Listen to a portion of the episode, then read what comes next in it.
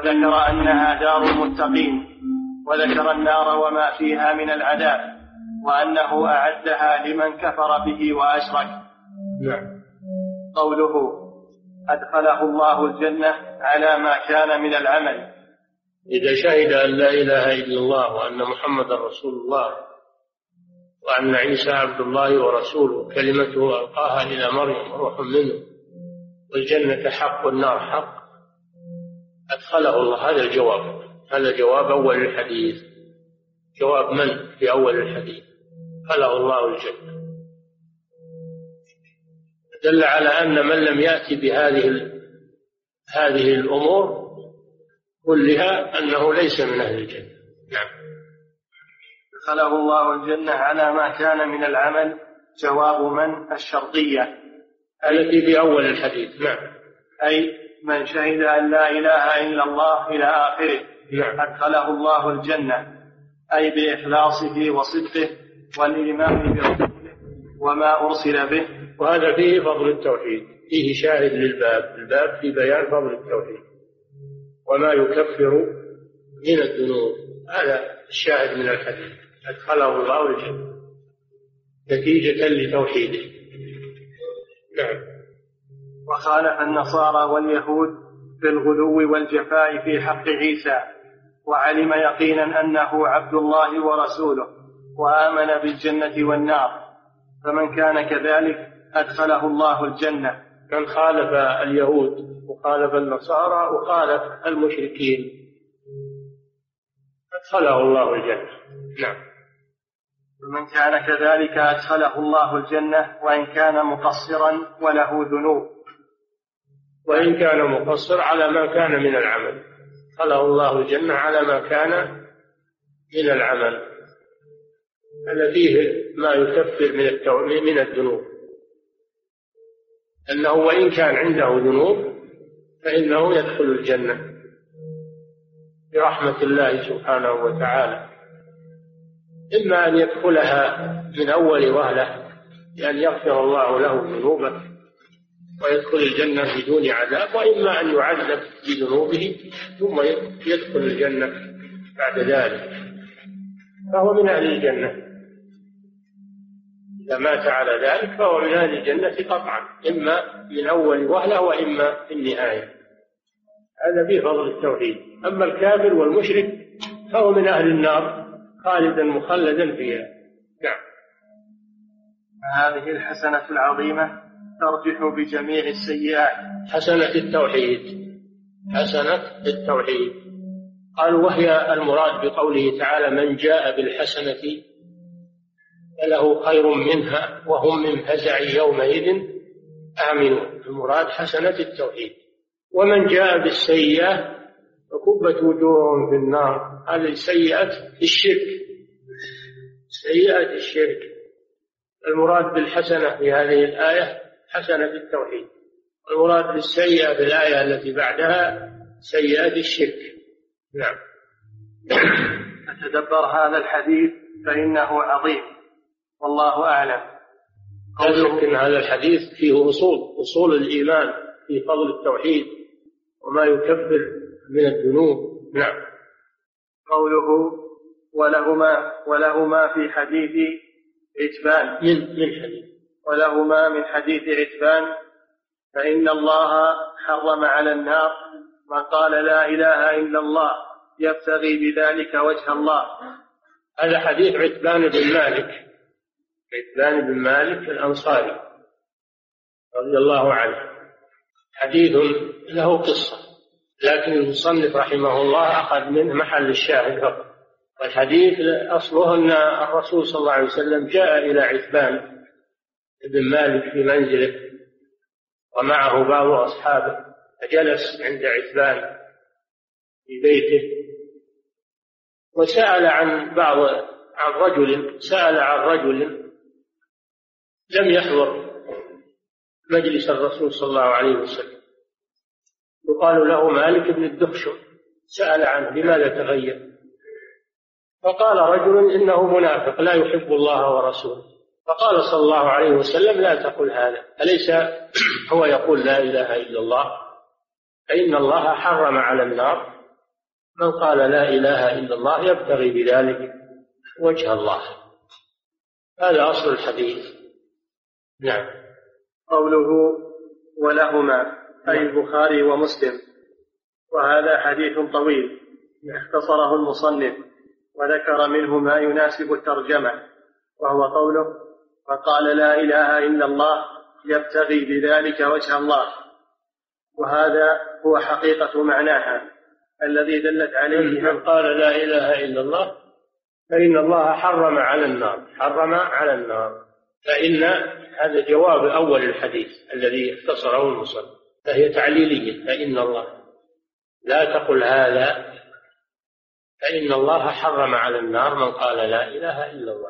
الرسول صلى الله عليه وسلم ذب عن هذا المسلم الغائب بسبب توحيده. حرم على النار. التحريم المنع أي منعه من دخول النار. وحرم النار أن أن أن تمسه. يعني منع النار عنه. منع النار عنه بسبب توحيده. هذا في فضل التوحيد. وأن الله يحرم صاحبه على النار.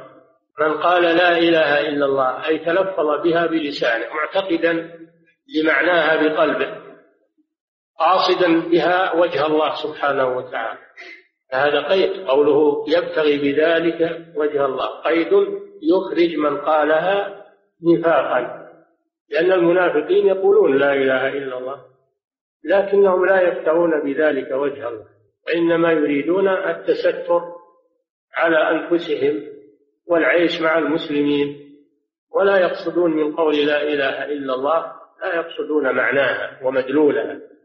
فدل على أن التلفظ بلا إله إلا الله لا يكفي حتى يخلص في قولها ويقصد بها وجه الله سبحانه وتعالى. هذا يقيد حديث أبي سعيد الذي سبق شهد أن لا إله إلا الله وأن محمدا رسول الله. إلى آخره. أدخله الله الجنة. هذا مطلق. يقيده حديث عتبان. لأنه لا بد أن يكون مع ذلك قاصدا وجه الله يعني مخلصا لله عز وجل. لا يقصد بهذه الكلمة طمعا من مطامع الدنيا ولا يقصد بها رياء ولا يقصد بها سمعة وإنما يقصد بها وجه الله. هذا قيد. حرم على النار من قال لا إله إلا الله. لفظ بها عارفا بمعناها عاملا بمقتضاها. ليس المراد مجرد اللفظ. ثم فيه أن أن هذه الكلمة لا بد أن يؤتى بها كلها. فلا يكفي أن يقول الله الله كما تقوله الصوفية. أو خواصهم يقولون هو هو هو. هذا ليس ذكرا لله عز وجل. ولا يؤدي الغرض المطلوب. لا بد أن يقول لا إله إلا الله بهذا اللفظ. نعم. من قال لا إله إلا الله يبتغي بذلك وجه الله وهذا هو حقيقة معناها الذي دلت عليه هذه الكلمة من الإخلاص ونفي الشرك. الصدق والصدق والإخلاص متلازمان. لا يوجد أحدهما بدون الآخر. الصدق ينافي النفاق والإخلاص ينافي الشرك ولا بد منهما جميعا من الصدق والإخلاص في هذه الكلمة. نعم. الصدق الذي ينافي النفاق والإخلاص الذي ينافي الشرك. فمن قالها وهو يشرك بالله لم تنفعه لا إله ومن قالها وهو ومن قالها وهو لا يقصد بها وجه الله كالمنافقين لم تنفعه لا إله إلا الله. نعم. فإن من لم يكن مخلصا فهو مشرك. نعم. ومن لم يكن صادقا فهو منافق. إيه لاحظ هذا الإخلاص ينافي الشرك والصدق ينافي النفاق. نعم. والمخلص أن يقولها مخلصا الإلهية لمن لا يستحقها غيره وهو الله تعالى. وهذا التوحيد هو أساس الإسلام الذي قال فيه الخليل عليه السلام ربنا واجعلنا مسلمين لك ومن ذريتنا أمة مسلمة لك ومن ذريتنا أمة مسلمة لك. وقالت بلقيس رب إني ظلمت نفسي وأسلمت مع سليمان لله رب العالمين. هذا الإسلام وهو الاستسلام لله بالتوحيد والانقياد له بالطاعة والبراءة من الشرك وأهله. هذا هو الإسلام. وهو دين جميع الرسل عليهم الصلاة والسلام. ودين جميع المسلمين من أول الخليقة إلى آخره. الاستسلام لله بالتوحيد والانقياد له بالطاعة والبراءة من الشرك وأهله. هذا عليه الرسل وأتباعهم. وهو دين الإسلام الذي لا يقبل الله من أحد سواه. من يبتغي غير الإسلام دينا فلن يقبل منه. نعم. وهو في الآخرة من الخاسرين. نعم. وقال الخليل عليه السلام إني وجهت وجهي للذي فطر السماوات والأرض حنيفا وما أنا من المشركين. إني وجهت, وجهي للذي فطر السماوات والأرض حنيفا وما أنا من المشركين. وما أنا من المشركين. حنيفا يعني مخلصا. حنيفا مخلص وما أنا من المشركين؟ براءة من الشرك. هي البراءة من الشرك وأهله. نعم. والحنيف هو الذي ترك الشرك رأسا وتبرأ منه وفارق أهله وعاداهم وأخلص أعماله الباطنة والظاهرة لله وحده. نعم. كما قال تعالى ومن يسلم وجهه إلى الله وهو محسن فقد استمسك بالعروة الوثقى. من يسلم وجهه لله هذا هو التوحيد. وهو محسن أي متبع للرسول صلى الله عليه وسلم. فهذا فيه شروط قبول العمل. وهما الإخلاص والمتابعة. لا بد من هذين الشرطين. أسلم وجهه لله هذا الإخلاص والتوحيد. وهو محسن هذا المتابعة للرسول صلى الله عليه وسلم. نعم. فإسلام الوجه هو إخلاص العبادة المنافي للشرك والنفاق. نعم. وهو معنى الآية ونحوها إجماعا. فهذا هو الذي والإحسان هو المتابعة للرسول ينفي البدع. وهذا ينفي البدع والمحدثات والخرافات فلا يعبد الله إلا بما شرعه الرسول صلى الله عليه وسلم وما وافق السنة. نعم.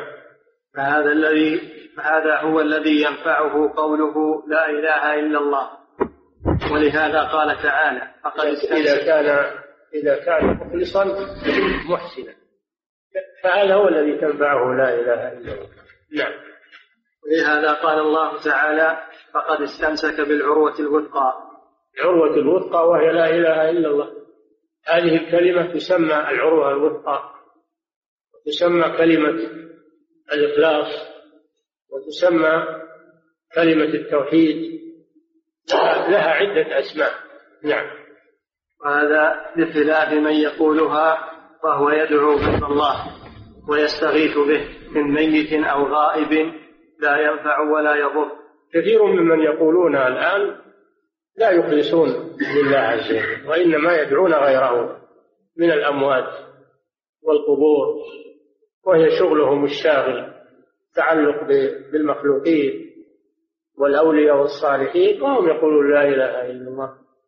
فلا تنفعهم لا إله لأنهم لم يخلصوا. لا إله إلا الله معناها الإخلاص وهم لم يخلصوا. يقولونها وهم يشركون فلا تنفعهم نعم. وهو يدعو غير الله ويستغيث به من ميت أو غائب لا ينفع ولا يضر كما ترى عليه أكثر الخلق. فهؤلاء وإن قالوها فقد تلبسوا بما يناقضها. فلا تنفع قائلها إلا بالعلم بمدلولها نفيا وإثباتا.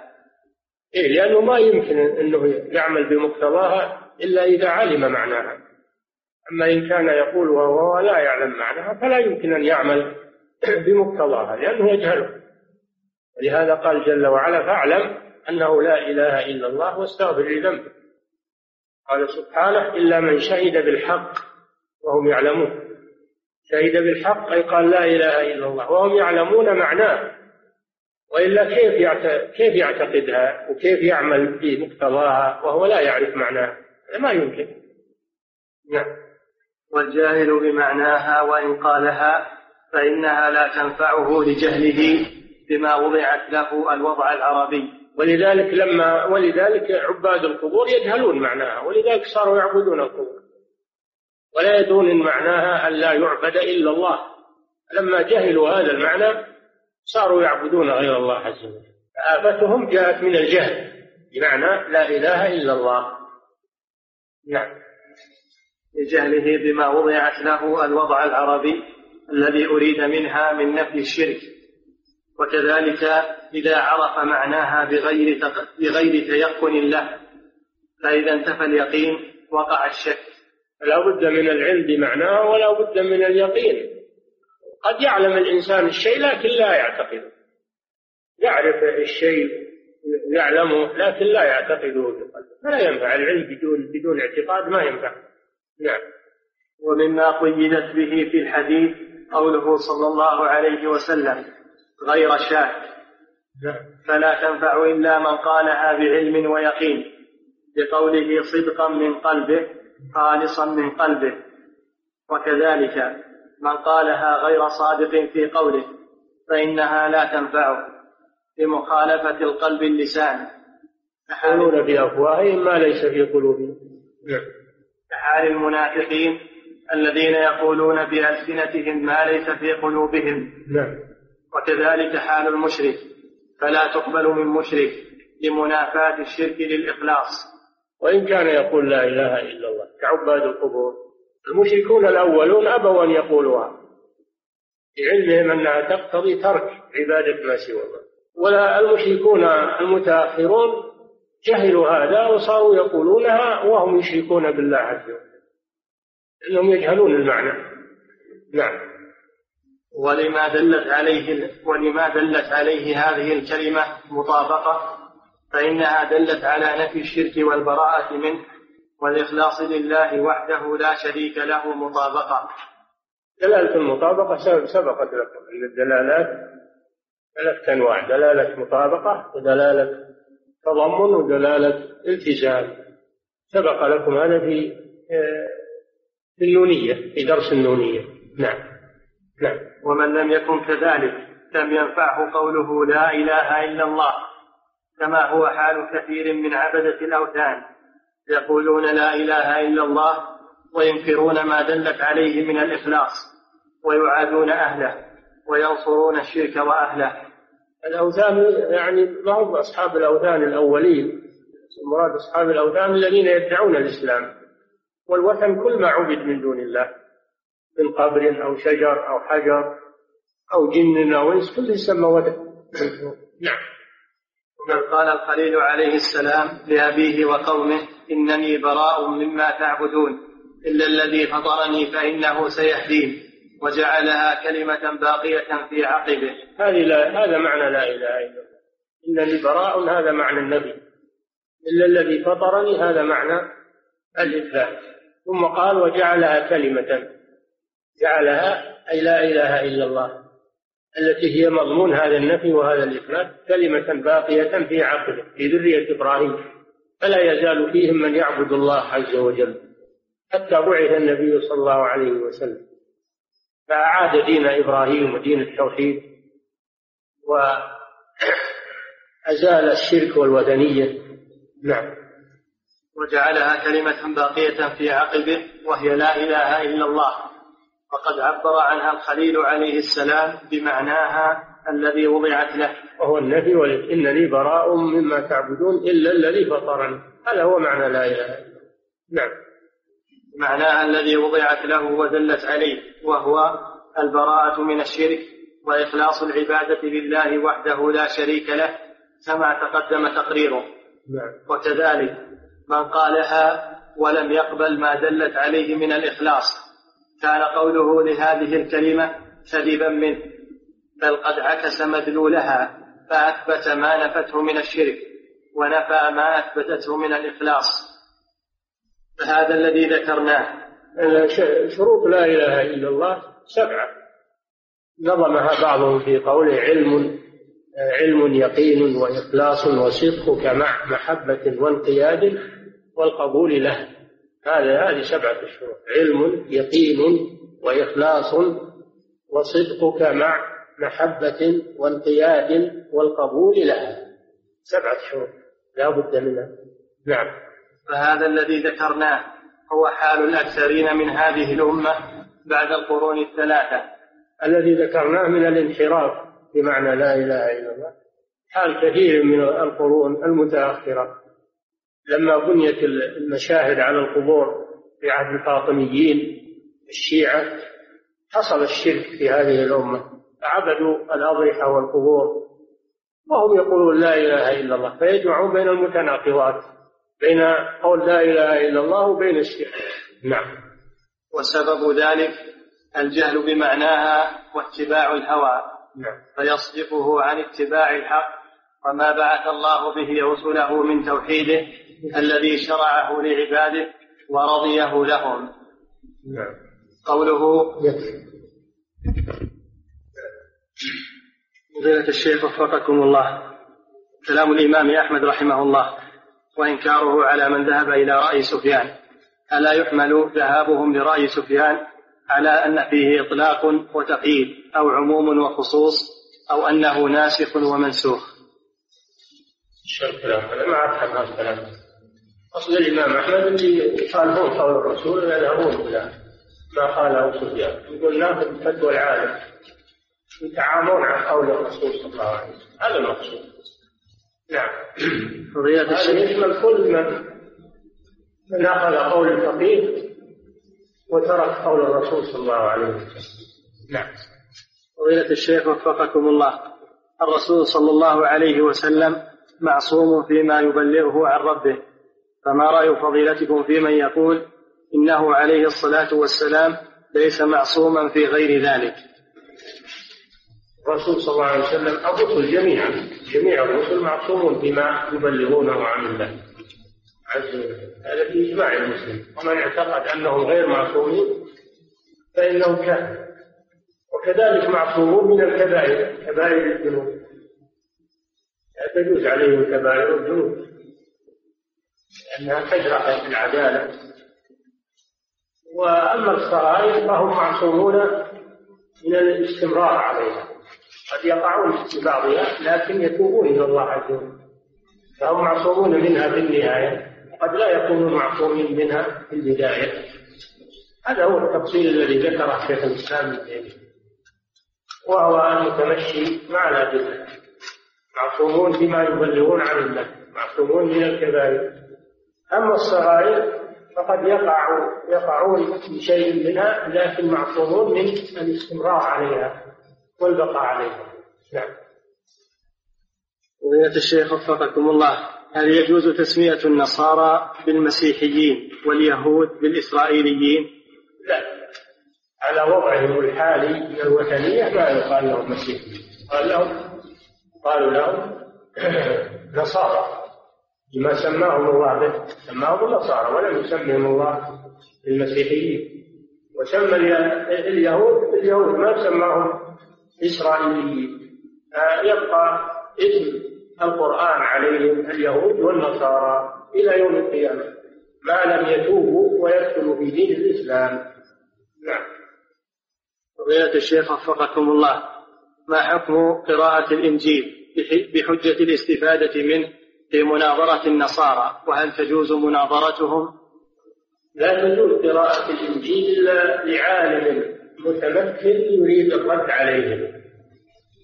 أما أن يقرأ للاطلاع فقط وهو ما عنده تمكن في العلم فلا يجوز له لا خطأ عليه فلا يجوز الاطلاع على كتب النصارى أو اليهود إلا لعالم متمكن يريد الرد عليهم وإبطال حجتهم لأنه كيف يرد عليهم وهو لم يقرأ ما عندهم؟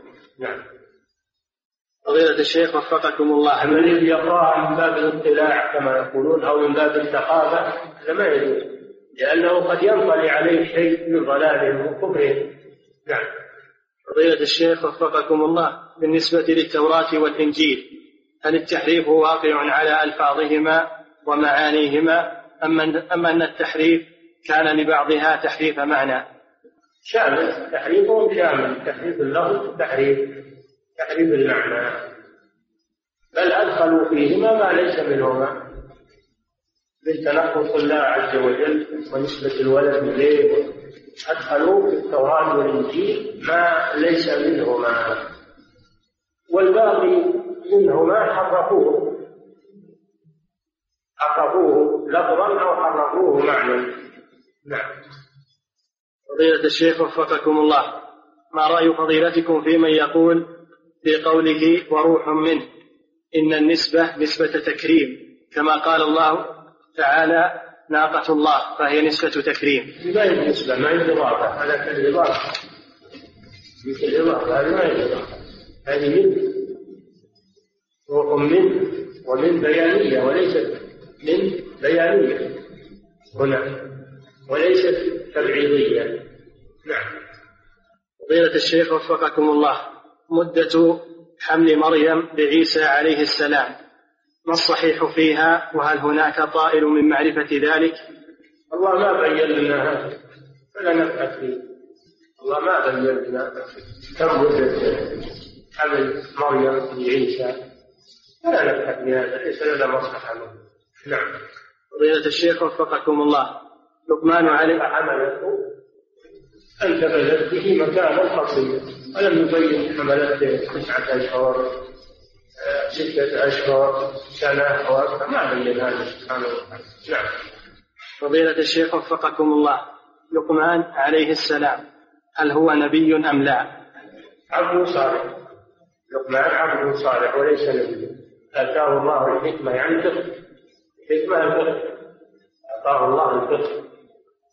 هذه مزية عظيمة كما قال تعالى ومن يؤتى الحكمة يؤتي الحكمة من يشاء ومن يؤتى الحكمة قد يؤتي خيرا كثيرا هو الفقه في دين الله وفي كلام الله كلام رسوله. وليس نبيا وإنما هو عبد صالح. كما قال صلى الله عليه وسلم لم تسمعوا إلى قول العبد الصالح؟ نعم. فضيلة الشيخ وفقكم الله. من فضائل لا إله إلا الله أنها تنطق عن طريق الحلق لا عن طريق الشفتين. فما معنى هذه العبارة؟ وكيف تكون فضيلة لها؟ هذه هذه تكلفات كل حروفها كل حروفها مهملة وليس فيها نقاط أنها كذا تكلفات ما ما من الحلقية كل حروفها حلقية وإلى آخره هذه تكلفات لا داعي لها. نعم. فضيلة الشيخ وفقكم الله.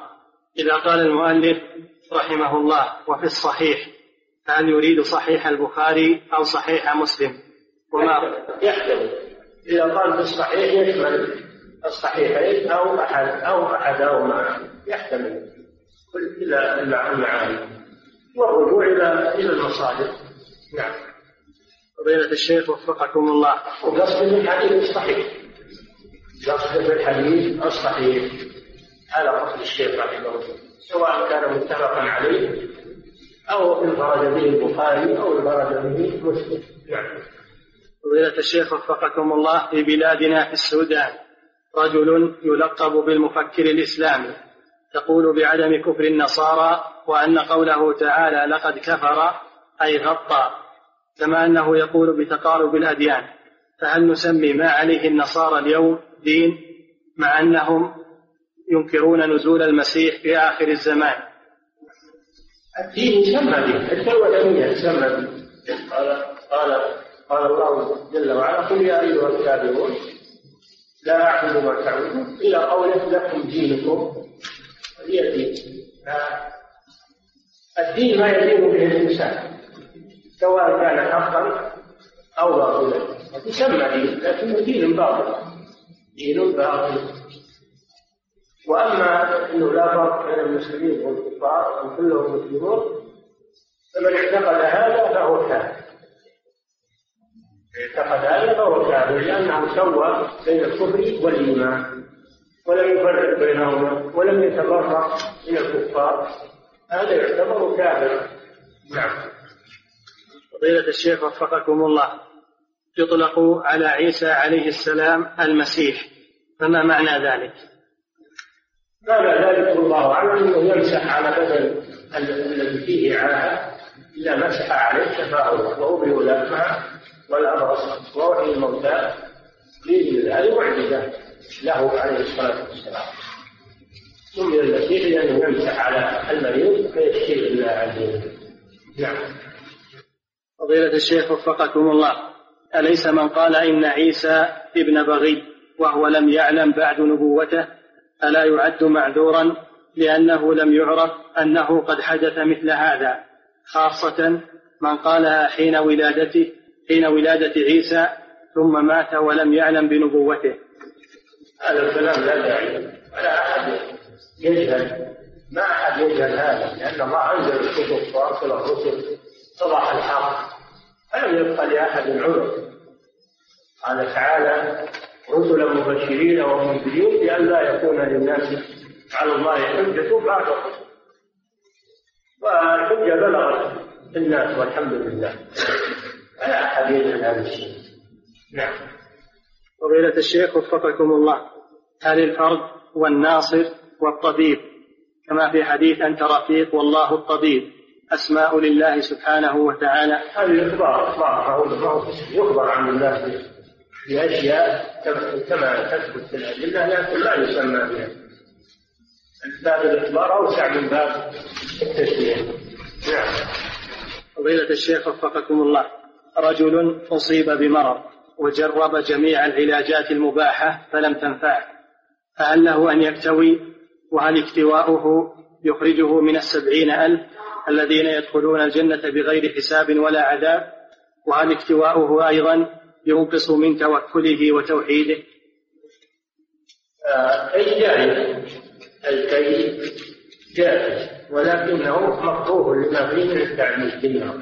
مكروه لما فيه من التعليل في النار. فمن فمن اكتوى فقد فعل امرا جائزا ولكنه لا يلحقه بالسبعين الالف لأنه فعل امرا مكروه. والسبعون الآن تجنبوا المكروهات والمحرمات وبعض المباحات. فهو لا يلحق بمرتبة السبعين الآن. لكن قد قد يكون من الأبرار أو من الصالحين. أما السبعين الألف هؤلاء من المقربين. هؤلاء من المقربين. ولا يلحق بهم إلا من اتصف بصفاتهم. ومنها ترك الكي لأنه أمر مكروه. نعم. فضيلة الشيخ فضيلة الشيخ وفقكم الله شخص ذهب لأمريكا لمدة أسبوعين لدورة فقالت له إحدى النصرانيات إننا نرقي أولادنا بالإنجيل فيبرؤون فهل كلامها هذا صحيح أم أنه شخص ذهب لأمريكا لمدة أسبوعين لدورة؟ فقالت له إحدى النصرانيات إننا نرقي أولادنا بالإنجيل فيبرؤون فهل كلامها هذا صحيح أم أنه لإدخال الشبه على المسلمين؟ هذا لإدخال الشبه على المسلمين. الإنجيل ما فيه إنجيل الآن. صحيح. إنما محرمات. كلها محرمات ومغيرات يقولون إن إنجيل برنابا هو الصحيح لكنه مخطوط الآن وقضوا عليه. طبع صاحب المنار رحمه الله. ولكنهم ترى غير موجود الآن. لأن النصارى لا يريدونه. لأنه هو هو الإنجيل الصحيح. النصارى لا يؤمن فيه البشارة بعثة محمد صلى الله عليه وسلم والأمر باتباعه وهم لا يريدون هذا. فهم مخطوب وضروا عليه. نعم. أما الأناجيل الباقية خمسة أو الأربعة فهي كلها محرمة. نعم. فضيلة الشيخ وفقكم الله. إنسان ترك الصلاة لمدة أربع سنوات عمدا. يترك صلاتين باليوم تقريبا أو أكثر ولا يزكي. ثم تاب إنسان ترك الصلاة لمدة أربع سنوات عمدا فيترك صلاتين باليوم تقريبا أو أكثر ولا يزكي. ثم تاب هذه السنة ولله الحمد وأكثر من النوافل. فهل يعيد الصلوات التي تركها عمدا؟ وهل يخرج الزكاة؟ أم أنه يعتبر كافرا في السابق والإسلام يجب ما قبله؟ هذا نعم هذا هو الصحيح. إنه تكفيه التوبة والإصلاح في المستقبل. أما مضى ما مضى فيعفو الله عنه. وتجوبه التوبه والحمد لله. نعم. فضيلة الشيخ وفقكم الله. بالنسبة للعلمانيين هل هم أقرب إلى النفاق أم إلى الكفر؟ العلمانيين ملاحدة. ما هم ملاحدة. لأنهم لا يرون إدخال الدين في أمور الناس. إنما يرون الدين فقط للعبادة المساجد فقط. وأما أمور السياسة وأمور المعاملات وأمور هذه يقولون هذه للناس يتصرفون فيها بدون شرع وبدون شيء. هم يتصرفون حسب مصالحهم ورغباتهم. هذا كفر بالله عز وجل وعزم عزم لكتاب الله عز وجل ولسنة رسوله صلى الله عليه وسلم عن الحياة. هذا كفر وإلحاد فهم شر من المنافقين. المنافقون يتظاهرون بالإسلام ويصلون ويصومون ويوكلون على ظواهرهم. أما خفاياهم فهي إلى الله أما هؤلاء يصرحوا بالكفر عزموا شرع الله عن تطبيق على أحوال الناس ومعاملاتهم. هذا كفر صريح مصرح به. دفاع فأن يظهر شيئا ويبدي ضده هؤلاء ما أخطوا شيء صرح نعم. فهم شر من المنافقين. نعم. فضيلة الشيخ وفقكم الله. شخص نذر لله إن نجح أن يصوم شهرا. ونجح. فهل يصوم شهرا كاملا مرتبا أم يصوم شهرا مفرطا؟ يعني يصوم يوم ويفطر يومين. هذا حسب نية إن كان نوى شهرا معينا كشهر رجب أو شهر شوال أو شهر شعبان. فإنه يصوم الشهر الذي عينه وإن كان ما نذر شهرا معينا فيكفيه الصوم بالعدد. يصوم ثلاثين يوم. مجتمعة أو متفرقة صوم بالعدد. المهم يكمل ثلاثين يوم مجتمعة أو متفرقة. على حسب نية. نعم. فضيلة الشيخ وفقكم الله. أرجو من فضيلتكم أن تبينوا لنا المختصرات التي تنصحون طالب العلم بحفظها في البداية وهل يلزم قراءتها على أهل العلم أم يقرأها الطالب لوحده إذا كان يفهم الكثير منها؟ ما تنفع المختصرات ولا حفظها ولا قراءتها بدون عالم يشرحها ويبين المقصود. ولا ما فيها. يقرأ على نفسه أو على حفظه ويكتفي بهذا. هذا ما يكفي. تعب بلا ذلك. لا بد من قراءتها على العلماء وتلقي شرحها عن العلماء حتى يستفيد منه. نعم. فضيلة الشيخ وفقكم الله. ما حكم بيع وشراء واقتناء جلود السباع مثل النمور والذئاب وغيرها؟ جلود السباع محرمة. ومنهي عنها ولا يجوز بيعها ولا شراؤها ولا استعمالها لله عنها نعم. نهى صلى الله عليه وسلم عن جلود السباع. النمور والذئاب كلها عنها والأسود نعم. فضيلة الشيخ وفقكم الله. قول بعض الناس زارتنا البركة أو قولهم عاش من شافك. هل في هذا محظور شرعي؟ ينبغي ترك هذا اللفظ ينبغي ترك هذا اللفظ قول زارتنا البركة هذا فيه مبالغة. فيه مبالغة. وقد يعجب الإنسان بنفسه بسبب هذا الكلام. هذا معلش على الإنسان في وجهه وهذا منهي عنه قد يحمله على الإعجاب بنفسه إلى غير ذلك. نعم. والبركة من الله سبحانه وتعالى. نعم. فضيلة الشيخ وفقكم الله. هل التثاؤب من نزغ الشيطان فيستعيذ المتثائب بالله من الشيطان الرجيم؟ النبي صلى الله عليه وسلم أخبر أن العطاس من الله سبحانه وتعالى. ولذلك شرع الحمد بعد العطاس لأنه نعمة من الله. وأما التثاؤب فهو من الشيطان. التثاؤب من الشيطان. ولذلك نهي عن التثاؤب فإذا غلبه التثاؤب فليضع يده على على فمه ولا يكتم ما استطاع ما يرفع صوته في التثاؤب يكتم ما استطاع لأنه من الشيطان وهو يدل على الكسل على الخمول فهو يقاوم التثاؤب مهما حصل يمنع يده وما حصل يمنع يخف على الأقل ويضع ثوبه أو كمه على فمه ولا يتركه مفتوح. وأما أنه يقول أعوذ بالله من الشيطان الرجيم هذا ما ورد هذا ما ورد نعم. فضيلة الشيخ وفقكم الله. ورد في حديث ضعيف الناس عيال الله. فما المقصود بكلمة عيال؟ فقراء يعني من العيلة وهي الفقر وإن كنتم عيلة سوف يغنيكم الله من يعني فقر فالعائل هو الفقير. فعيال الله يعني الفقراء إلى الله. أنتم الفقراء إلى الله. والله هو الغني الحميد.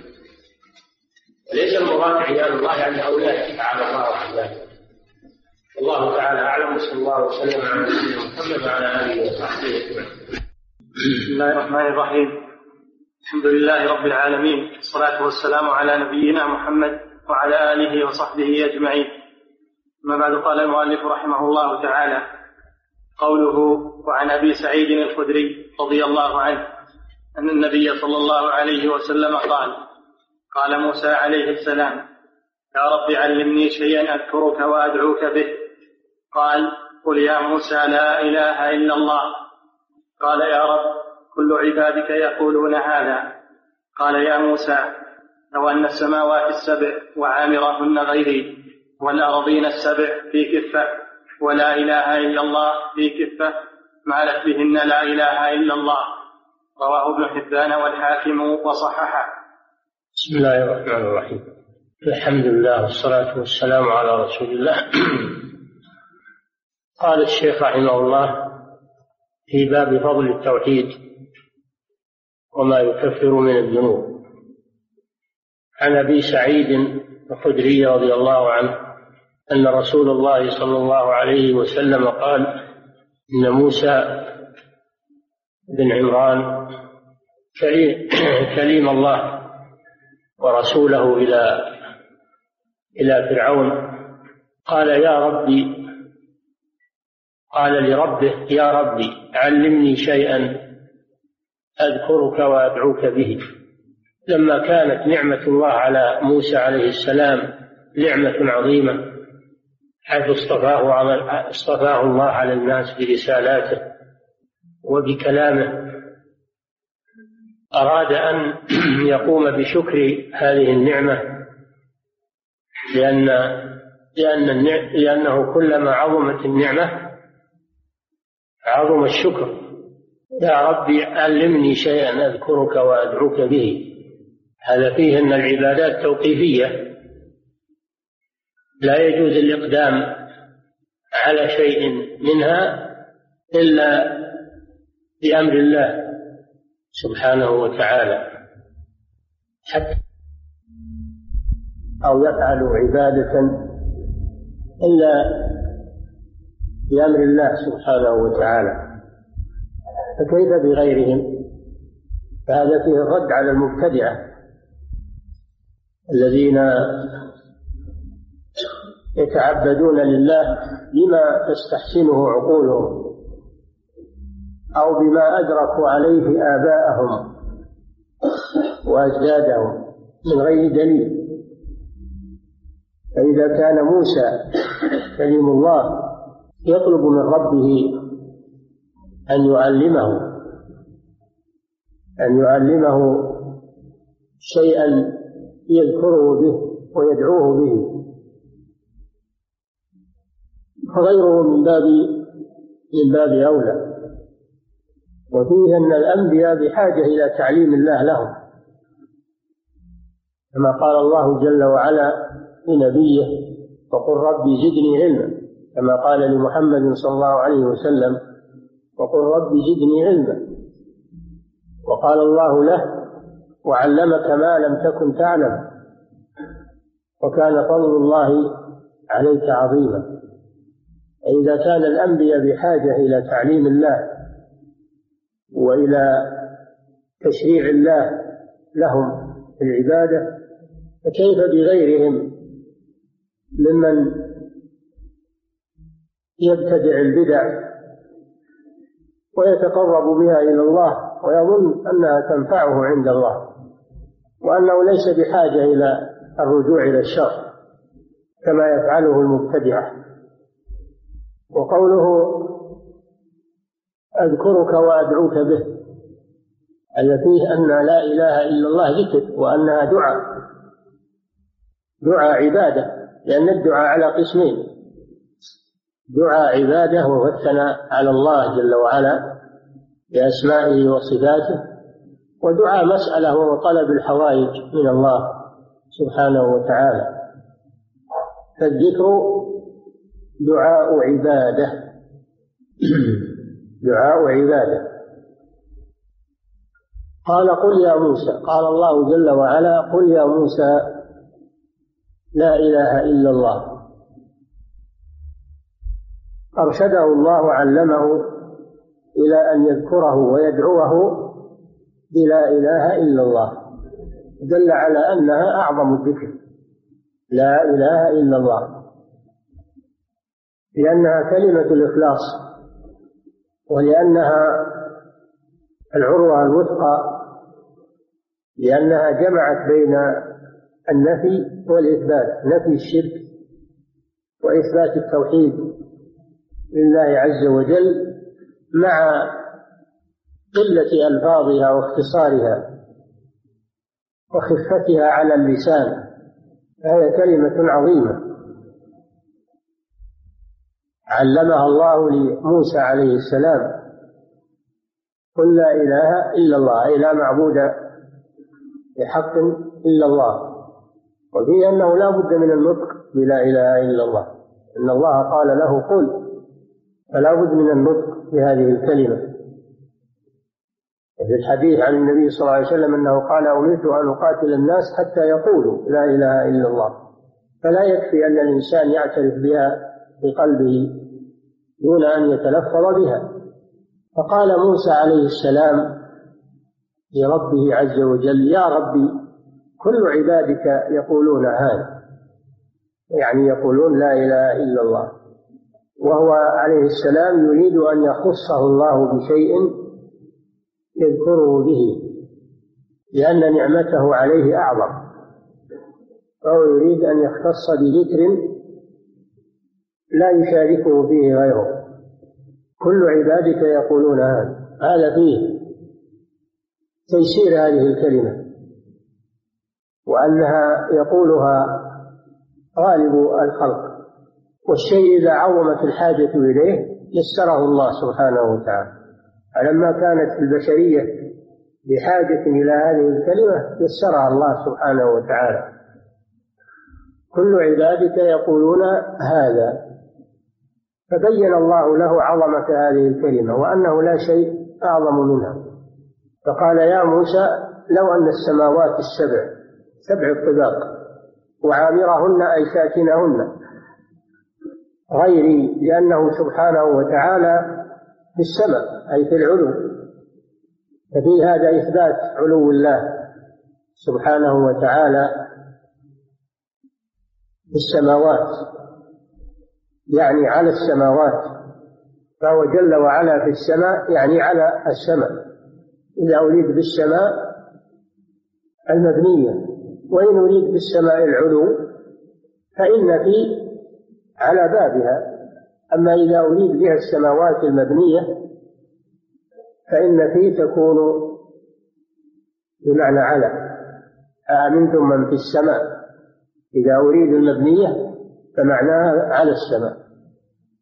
لأن في تأتي بمعنى على كما في قوله تعالى فسيروا في الأرض. يعني على الأرض. ولا أصلبنكم في جذوع النخل. يعني على جذوع النخل. فتأتي في بمعنى على. إذا أريد بالسماء السماء المبنية لأن الله جل وعلا ليس في شيء من خلقه جل وعلا بل هو أعظم من كل شيء. وعامرهن أي ساكنهن غير غير الله سبحانه وتعالى لأنه في السماء يعني على السماء فهذا فيه إثبات علو الله على عرشه والأراضين السبع سبع الطباق هذا فيه أن الأرض سبع طبقات وأن كل طبقة لها سك لها سكان كما أن السماء طبقات وكل طبقة لها سكان من الملائكة. ويدل لهذا قوله تعالى الله الذي خلق سبع سماوات ومن الأرض مثلهن أي سبع.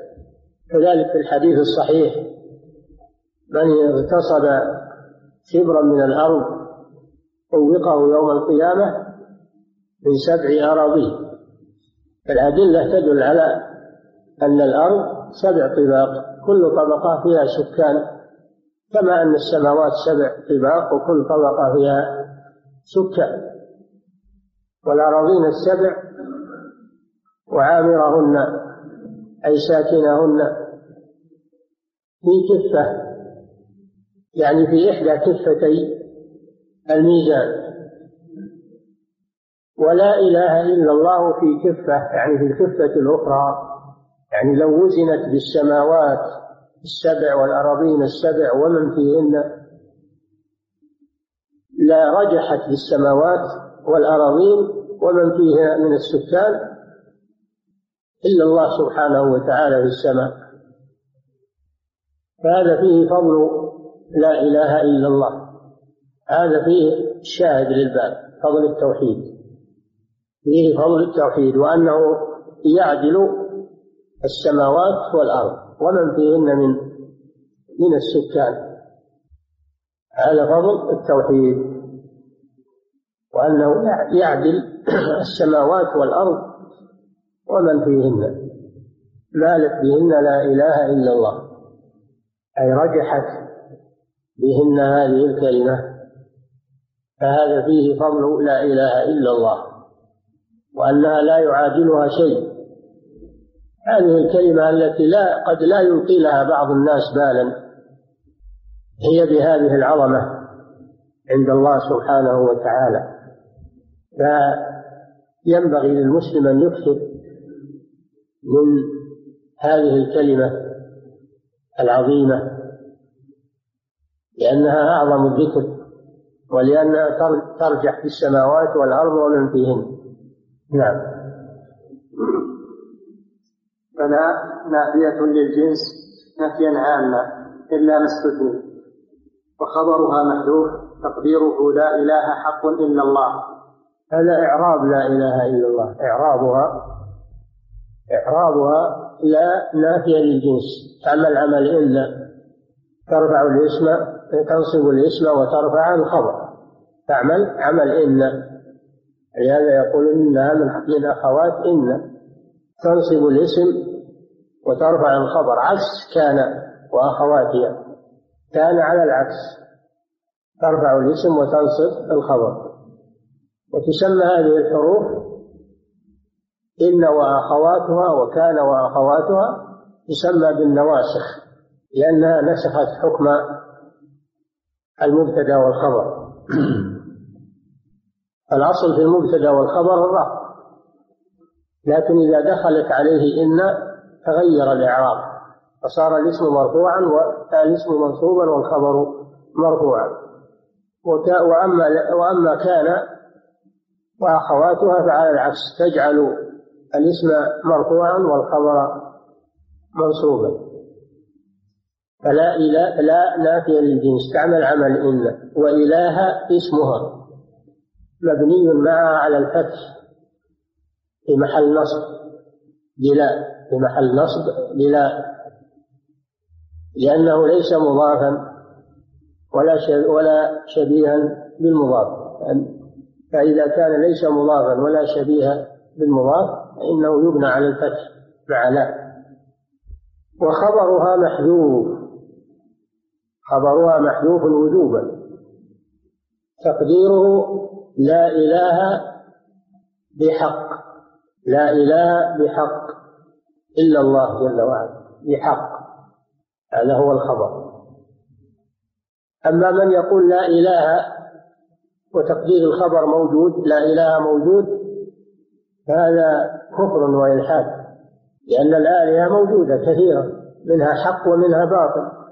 وهذا الذي يقول لا إله أي لا إله موجود إلا الله هذا مذهب عن وحدة الوجود حيث يجعل جميع المعبودات هي الله. فهذا الكلام باطل في إعراب لا إله إلا الله. فلا يقال لا إله أي موجود. هذا مذهب أهل وحدة الوجود. بل يقال لا إله بحق لينفي الآلهة التي بالباطل. كما قال تعالى ذلك بأن الله هو الحق وأن ما يدعون من دونه هو الباطل وأن الله هو العلي الكبير. فأخبر أن هناك معبودات وآلهة غير الله جل وعلا لكن لكن كلها باطل والإله الحق هو الله جل وعلا.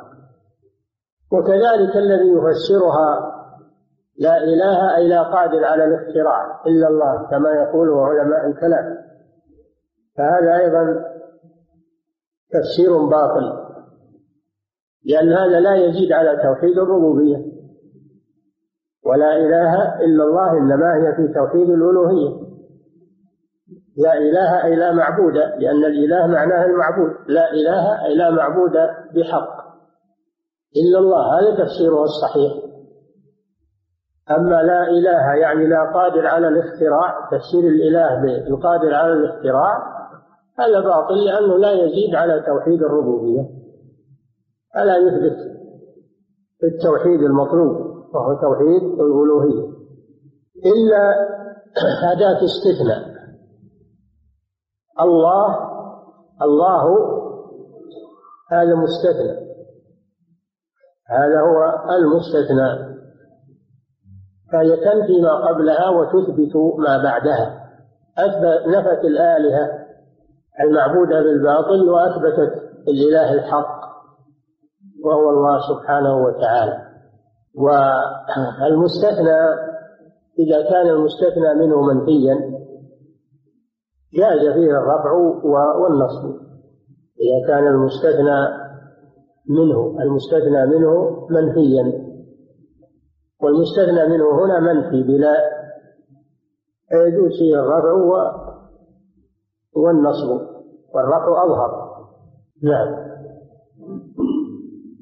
قال الله تعالى ذلك بأن الله هو الحق وأن ما يدعون من دونه هو الباطل. أعيد العبارة. فلا نافية للجنس نفيا عاما. نعم. إلا ما استثني. وخبر وخبرها محذوف. تقديره لا إله حق إلا الله. نعم.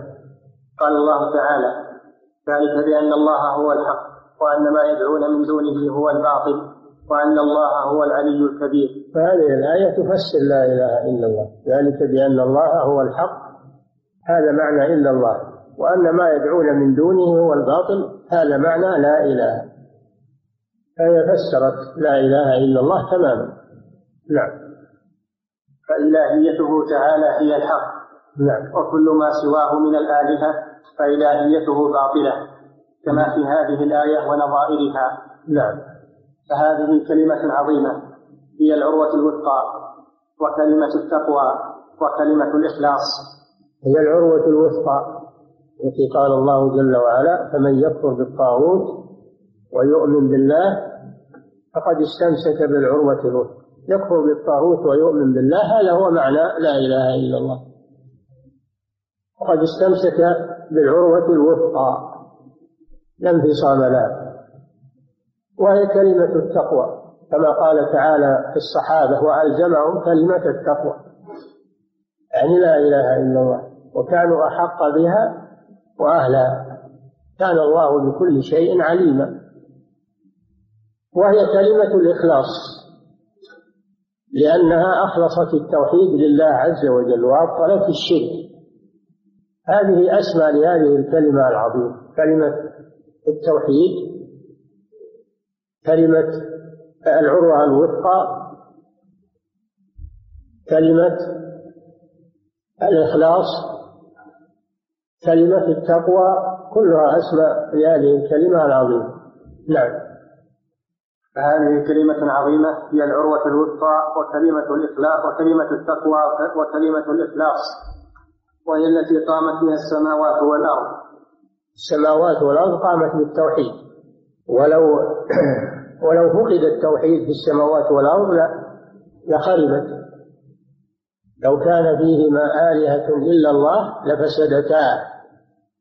كما قامت السماوات والأرض وثبتت وانتظمت إلا بالتوحيد. ولو فقد التوحيد في السماوات والأرض لانهدت وخربت. ولهذا إذا كان في آخر الزمان وفقدت هذه الكلمة قامت القيامة. فلا تقوم الساعة وفي الأرض من يقول الله الله. فلا تقوم إلا على شرار الخلق. إن من شرار الخلق من تدركهم الساعة وهم أحياء والذين يبنون المساجد على القبور. فإذا خلت خلا الكون من لا إله إلا الله خرب. نعم. وشرعت لتكميلها السنة والفرض. شرعت لتحقيقها العبادات المسنونة والعبادات المغرورة. تحقيق لا إله إلا الله ومقتضى. هي مقتضى لا إله العبادات الواجبة والمستحبة هي مقتضى لا إله إلا الله. نعم ولا تصح جميع الأعمال فرضا أو نفلا إلا بلا إله إلا الله. نعم ولأجلها جردت سيوف الجهاد. ولأجلها جردت سيوف الجهاد في سبيل الله. حتى يعبد الله وحده لا شريك له وهو معنى لا إله إلا الله. ولهذا قال صلى الله عليه وسلم أمرت أن أقاتل الناس حتى يقولوا لا إله إلا الله. فإذا أبوا أن يقولوا لا إله إلا الله وجب على المسلمين قتالهم حتى يقولوا لا إله إلا الله. نعم. فالجهاد ما شرع لأجل الطمع في الممالك أو الأموال أو توسيع السلطة أو السيطرة على الناس. لا شرع إلا لنشر التوحيد وإعلاء كلمة الله في الأرض وإزالة الشرك والكفر. وعبادة الله وحده لا شريك له. هذا الذي شرع من أجل الجهاد في سبيل الله. ومن لم يكن قصده هذا فليس هو في سبيل الله. لما سئل النبي صلى الله عليه وسلم عن الرجل يقاتل حمية والرجل يقاتل شجاعة والرجل يقاتل من أجل المغنم أي ذلك في سبيل الله؟ قال صلى الله عليه وسلم من قاتل لتكون كلمة الله هي العليا فهو في سبيل الله. هذا هو الذي يكون في سبيل الله. نعم. وبها ظهر الفرق بين المطيع والعاصي من العباد. وبها ظهر الفرق بين عباد الله وعباد الشيطان. فالذين عبدوا الله وحده لا شريك له هم عباد الرحمن. والذين أشركوا مع الله غيره واتبعوا أهواءهم هم عباد الشيطان. نعم. فمن قالها وعمل بها صدقا وإخلاصا. قالها لابد من القول. وعمل بها ما يكفي القول لابد من العمل. ولا يمكن العمل إلا بمعرفة المعنى معنى لا إله إلا الله. فلا بد من النطق بها باللسان ومعرفة معناها والعمل. بمقتضاها نعم. وعمل بها صدقا وإخلاصا. ولا بد من الصدق والإخلاص في العمل. الصدق ينفي النفاق لأن المنافق يقول لا إله إلا الله لكن ليس صادقا في قولها. والإخلاص ينفي الشرك لأن هناك من يقول لا إله إلا الله ويدعو غير الله من الأصنام والقبور والأضرحة والأولياء والصالحين. هؤلاء لم يخلصوا العبادة لله فلا تنفعهم لا إله تناقضوا. نعم. وقبولا ومحبة. وقبولا لما تدل عليه. يتقبله في قلبه ولا يكرهه. يتقبل ما تدل عليه هذه الكلمة ولا يكرهه أو يستثقله نعم. ومحبة. ومحبة. كذلك يحب هذه الكلمة. ويحب أهلها ويعادي أعداءها. نعم. وانقيادا كذلك ينقاد لما تدل عليه هذه الكلمة. أما إذا فعله من غير انقياد وإنما هو مجاملة أو لغرض آخر فعمله لا ينفعه. لازم يكون عمله عن انقياد. واستسلام لله سبحانه وتعالى. نعم. فمن قالها وعمل بها صدقا وإخلاصا وقبولا ومحبة وانقيادا أدخله الله الجنة. هذه شروط لا إله إلا سبعة شروط. علم وإخلاص وصدقك مع محبة وانقياد والقبول لها. بيت من الشعر احفظوه يضبط لكم شروط لا إله إلا الله. علم يقين وإخلاص وصدقك مع محبة وانقياد والقبول لها. هذه شروط لا إله إلا الله. العلم ينفي الجهل اليقين ينفي الشك الإخلاص ينفي الشرك الصدق ينفي النفاق. علم يقين وإخلاص وصدقك مع محبة ينفي الكراهية كراهية هذه الكلمة أو كراهية أهلها. وانقياد ينفي الذي يفعل العبادات وهو غير راغب فيها وإنما يفعلها مجاملة للناس أو لهوى يريده وهو غير مرتاح لهذه العبادات. والقبول القبول لما تدل عليه ولا يرد شيء ما يرد شيء مما شرعه الله ورسوله بل يتقبل ويسلم لما شرعه الله ورسوله. أما اللي عنده تشكك في بعض بعض بعض العبادات أو بعض الأوامر أو بعض النواهي أو استثقال لها فهذا يفقد شرطا من شروط لا إله إلا الله. لا إله إلا الله لازم من هذه الشروط السبع. وزيد ثامنها بعض المشايخ زاد شرط ثامن وزيد ثامنها الكهران منك بما سوى الإله من الأشياء قد أولها. كفران بالطاغوت كما قال تعالى فمن يكفر بالطاغوت نعم. كما قالها وعمل بها صدقا وإخلاصا وقبولا ومحبة وانقيادا أدخله الله الجنة على ما كان من العمل أدخله الله الجنة على ما كان من العمل كما سبق في حديث عبادة بن الصامت. على ما كان من العمل ولو كان عنده ذنوب دون الشرك.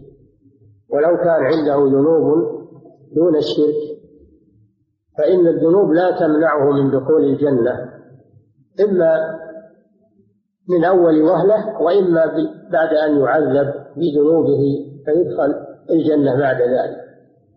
نعم. وفي الحديث الصحيح أفضل الدعاء يوم عرفة وأفضل ما قلت أنا والنبيون من قبلي لا إله إلا الله وحده. أفضل الدعاء يوم دعاء يوم عرفة دعاء يوم عرفة. هذا هو أفضل الدعاء. اليوم التاسع الذي يقف فيه الحجاج في عرفات يؤدون الركن الأعظم من أركان الحج. هذا هو أفضل الأيام يوم عرفة. خير الدعاء دعاء عرفة. وخير ما قلت أنا والنبيون من قبل لا إله إلا الله وحده لا شريك له له الملك وله الحمد وهو على كل شيء قدير. هذا فيها أن لا إله إلا الله هي أفضل الذكر وأفضل الدعاء. سماها دعاء لأن الدعاء كما مر بكم قسمان دعاء عبادة وهو ثناء على الله وذكر الله جل وعلا ودعاء مسألة وهو طلب الحوائج من الله سبحانه وتعالى.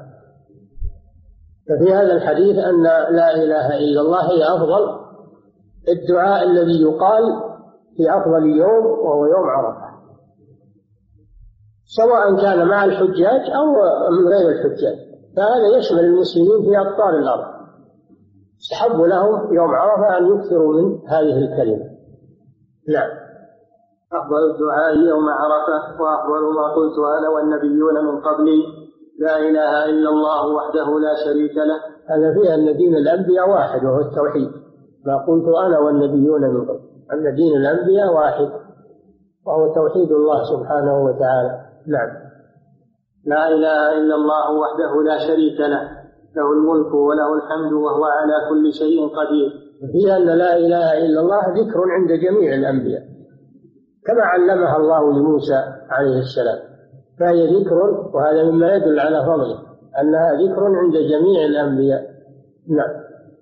وفي حديث عبد الله بن عمرو مرفوعا يصاح برجل يصاح برجل من أمتي على رؤوس الخلائق يوم القيامة. هذا حديث البطاقة المشهور. واحد يؤتى به يوم القيامة عليه سجلات تسع وتسعين سجل. كل سجل منها مد البصر. مملوءة بالسيئات. مملوءة بالسيئات تسعة وتسعين سجن كل سجل مد البصر مملوءة بالسيئات ما فيها ولا حسنة واحدة. فيقال له هل لك حسنة؟ يقول لا. فيقال لا إنك لا تغلب ثم تخرج بطاقة يعني ورقة صغيرة مكتوب فيها لا إله إلا الله. يعني قال هذه الكلمة عن صدق وإخلاص ويقين ومات عليها. مات عليها. فتوضع السجلات في كفة وتوضع لا إله البطاقة التي فيها لا إله إلا الله في كفة فتطيش السجلات وتثقل البطاقة فيدخل الجنة. فكما أن لا إله إلا الله رجحت في السماوات والأرض ومن فيهن غير الله أيضا رجحت بالسيئات. رجحت بالسيئات. هذا فضيلة أخرى لهذه الكلمة العظيمة وهذا الحديث حديث البطاقة وغيره مما يدل على أن لا إله إلا الله يدخل بها صاحبها الجنة وينجو من النار مقيدة بالأحاديث الأخرى أنه لا بد من العمل. أما من يقولها وهو لا يعمل لا يعمل بمقتضاها فإنها لا تنفع. لكن هذا الرجل قالها عن يقين وإخلاص ومات على ذلك. مات موحدا. ختم له بها تائبا إلى الله عز وجل فمحى الله جميع ذنوبه. هذا فيه فضل التوحيد وأن الله يكفر به جميع السيئات. يشهد لهذا الأحاديث الآتية في آخر الباب. نعم. وليس المراد أن مجرد النطق بلا إله إلا الله حصل به هذا الفضل العظيم لهذا الرجل بل هو نطق مع اعتقاد ويقين وإخلاص. لله عز وجل بدليل الأحاديث الأخرى. الأحاديث يقيد بعضها بعضا ويفسر بعضها بعضا. فلا نأخذ طرف ونترك الأطراف الأخرى. نعم فنقول النطق بلا إله إلا الله يكفي. ولو فعل الإنسان ما فعل من الشرك وعبادة غير الله وكذا إلى آخره يقول لا هذا ما هو صحيح. اللي يأخذ طرف من الأدلة ويترك طرف هذا من أهل الزيغ الذين يأخذون بالمتشابه ويتركون المحكم.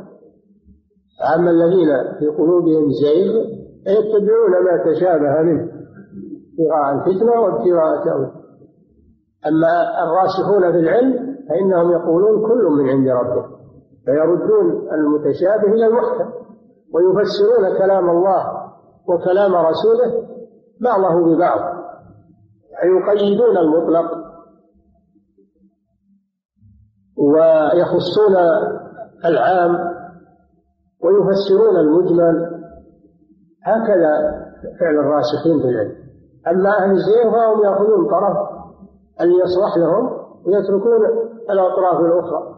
يقولون نحن نستدل بالقرآن أو بالأحاديث. نقول كذبتم لم تستدلوا بالقرآن ولا بالأحاديث. الاستدلال بالقرآن والأحاديث يقتضي الاستدلال بالكل ما هو الاستدلال بالبعض فقط. نعم. في حديث عبد الله بن عمرو مرفوعا يصاح برجل من يصاح برجل من أمتي على رؤوس الخلائق يوم يصاح يعني ينادى. يصاح به يعني ينادى يوم القيامة على رؤوس الخلائق في المحشر. نعم. يصاح برجل من أمتي على رؤوس الخلائق يوم القيامة فينكر له تسعة وتسعون سجلا. والسجل هو الدفتر الكبير. الذي تكتب فيه الأشياء وتدون فيه الأشياء. نعم. كل سجل منها مد البصر. وليس هو مثل سجلاتكم الدفاتر الصغيرة دي. كل سجل مد البصر. البصر وين يمتد؟ صار يمتد إلى إلى السماء. نعم. ثم يقال أتنكر من هذا شيئا؟ فيقول لا لا يا رب. فيقال ألك عذر أو حسنة؟ فيهاب الرجل. فيقول لا. فيقال بلى. إن لك عندنا حسنة. يقال إنك لا تظلم وإن لك عندنا حسنة. هذا دليل على أن التوحيد حسنة. قال تعالى من جاء بالحسنة فله خير منها وهم من فزع يومئذ آمنون. هذا هو التوحيد. ومن جاء بالسيئة الشرك هذا المراد به الشرك فكبت وجوههم في النار هل تجزون إلا ما كنتم تعملون؟ فالتوحيد أعظم الحسنات والشرك أعظم السيئات والعياذ بالله. نعم. إن لك عندنا حسنة وإنه لا ظلم عليك. نعم. فيخرج له الله جل وعلا لا يظلم أحدا إن الله لا يظلم مثقال ذرة. وإن تك حسنة يضاعفها. ويؤتي من لدنه أجرا عظيما.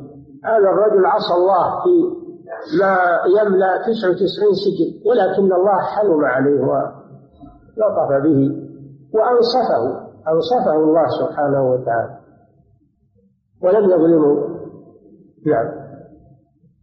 فيخرج له بطاقة فيها أشهد أن لا إله إلا الله. البطاقة الورقة الصغيرة وماذا تكون البطاقة الصغيرة في 99 سجل كل سجل مد البصر.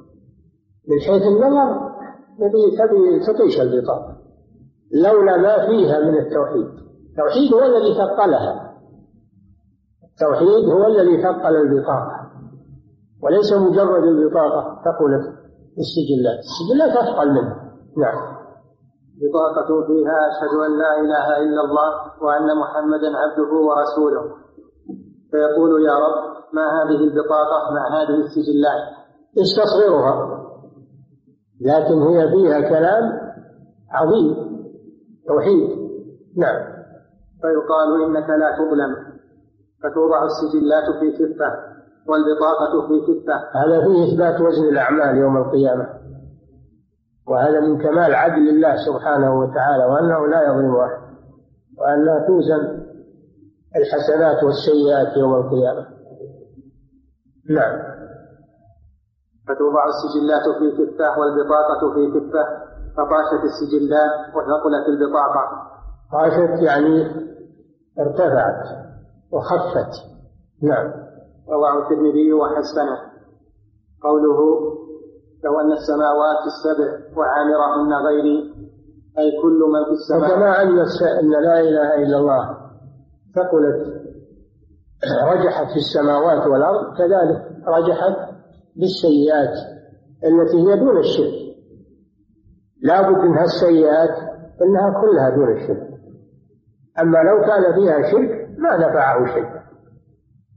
قوله تعالى إن الله لا يغفر أن يشرك به ويغفر ما دون ذلك لمن يشاء. فحديث البطاقة هذا فيه بيان فضل التوحيد. إذا سلم صاحبه من الشرك وأنه لو كانت عنده ذنوب كثيرة كما يأتي ملء الأرض أو اضطراب الملك أن الله يغفرها. نعم. قوله لو أن السماوات السبع وعامرهن غيري أي كل من في السماوات والأرض. وقوله غيري استثناء ممن في السماوات نفسه لأنه العلي الأعلى تعالى وتقدس. وهذا فيه الرد على الجهمية والمعتزلة والأشاعرة. الذين ينفون علو الله على عرشه.